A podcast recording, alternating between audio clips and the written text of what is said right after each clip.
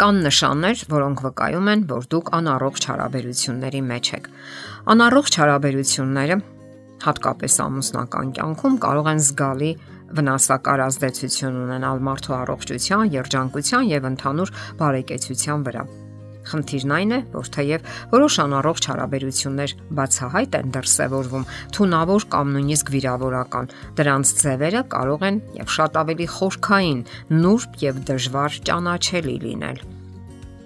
Հասկանալի է, որ ոչ մի հարաբերություն կատարյալ չէ, եւ այնուամենայնիվ կարեւոր է ճանաչել անառողջ հարաբերությունների նշանները եւ իմանալ, թե ինչ կարելի անել դրանք փոխելու կամ դրանց վերջ տալու համար։ Այս հաղորդման ընթացքում կքննարկենք անառողջ հարաբերությունների որոշ ընդհանուր հատկանիշներ կամ կետեր եւ թե ինչպես կարելի է հասկանալ արդյոք դուք դրանց մեջ եք։ Այդ հարաբերությունները ներառում են քայլեր, որոնք կարող եք ձեռնարկել Կան քայլեր, որոնք կարող եք ձեռնարկել ձեր հարաբերությունները ավելի առողջ դարձնելու համար։ Ինչ ընդհանուր բնութագիր ունեն անառողջ հարաբերությունները։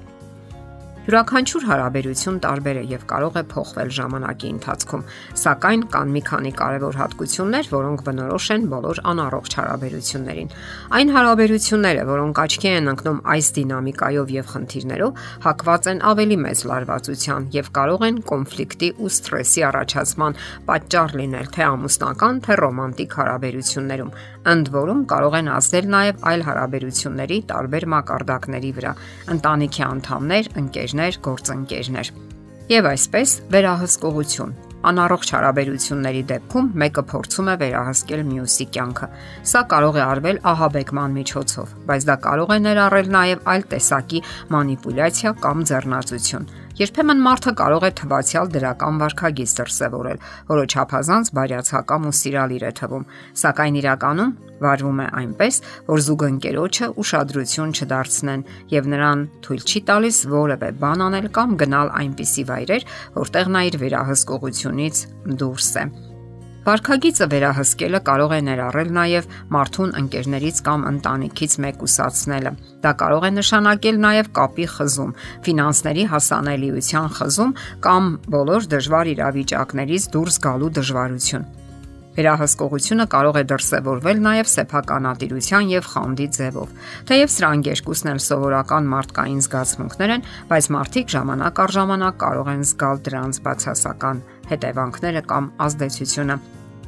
Դա այսպես է դրսևորվում։ Ինչ որ մեկը փորձում է վերահասկել քո արարքները, բարկանում է քեզ վրա, երբ նեղանում ես, երբեմն անհիմն մեղադրում է անհավատարմության մեջ։ Անառողջ հարաբերությունների հաջորդ նշանը վստահության բացակայությունն է։ Անառողջ հարաբերությունները հաճախ արտահայտվում են վստահության պակասով։ Դուք հանկարծ զգում եք, որ պետք է որոշ բաներ թաքցնեք ձեր դիմացինից,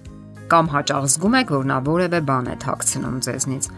Առողջ վստահություն զարգացնելու համար հարաբերությունների մեջ գտնվող կողմերը պետք է զբաղվեն փոխադարձ ինքնաբացահայտմամբ։ Սա ենթադրում է ժամանակի ընթացքում աստիճանաբար բացահայտել ձեր աշխարհը, քանի որ հարաբերությունները ողջ կյանքի ընթացքում խորանալու եւ աճելու հատկություն ունեն։ Կիսվելու եւ լսելու գործընթացը նպաստում է հուզական մտերմությանը եւ մտերմության զգացմանը, բայց եթե դուք զգում եք, որ չեք կարող դիմացինին վստահել ձեր ամենախոր եւ գաղտնի զգացմունքները, դժվար թե նրան պատմեք ձեր հույզերի, մտքերի կամ հիշողությունների մասին։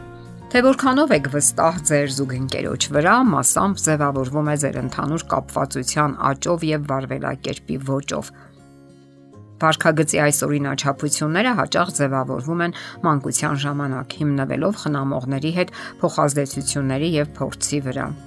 Սակայն նրանք ժամանակի ընթացքում շարունակում են փոփոխվել եւ տարբեր ձևեր ստանալ, նայած թե ինչպես եք պատկերացնում ռոմանտիկ հարաբերությունները եւ ինչպես եք արձագանքում դրանց հասուն տարիքում։ Եթե դուք նախկինում չեք կարողացել վստահել այն մարդկանց, որոնց պետք էր ամենաշատը վստահել, ապա դժվարությամբ կվստահեք մարդկանց նաեւ հետագայում, հակառակ սեռի հետ ունեցած ռոմանտիկ, ապա ամուսնական հարաբերություններում։ Անառողջ հարաբերություններում անհարգալից վերաբերմունքը կարող է դրսևորվել տարբեր ձևերով։ Երբեմն դա դրսևորվում է կողմերից մեկի արհամարանքով, այլ դեպքերում դա կարող է ներառել ուղակի հեգնանք, վիրավորական ակնարկ կամ դիմացինի կարծիքի ու շահերի հանդեպ ծաղրական վերաբերմունք։ Այս անհարգալից վերաբերմունքը շատ արագ տալիս է իր բացասական հետևանքները եւ հանգեցնում վիրավորվածության կամ բողոքի։ Մարդը կարող է ամոթի ու մեղքի զգացում ունենալ, միայնություն, շփոթվածություն եւ սոցիալական անհանգստություն։ Լավ հաղորդակցությունը ցանկացած առողջ հարաբերությունների անկյունակարն է։ Անառողջ հարաբերությունների արկայության նշան է անարդյունավետ հաղորդակցությունը։ Այս դեպքում կողմերը չեն խոսում խնդիրների մասին, խուսափում են բարդ խնդիրներից, ակնկալելով, որ դիմացինը կգուշակի իրենց մտքերը ապացուցված է, որ հաղորդակցման ոճը ազդում է հարաբերությունների վրա եւ հաճախ դառնում ամուսնալուծության հիմնական պատճառներից մեկը։ Մեկ անգամ եւս շեշտադրենք այն նշանները, որոնք բնորոշում են անառողջ հարաբերություններին վերահսկողություն, անվստահություն, անհարգալից վերաբերմունք դիմացինի հանդեպ եւ վատ հաղորդակցություն։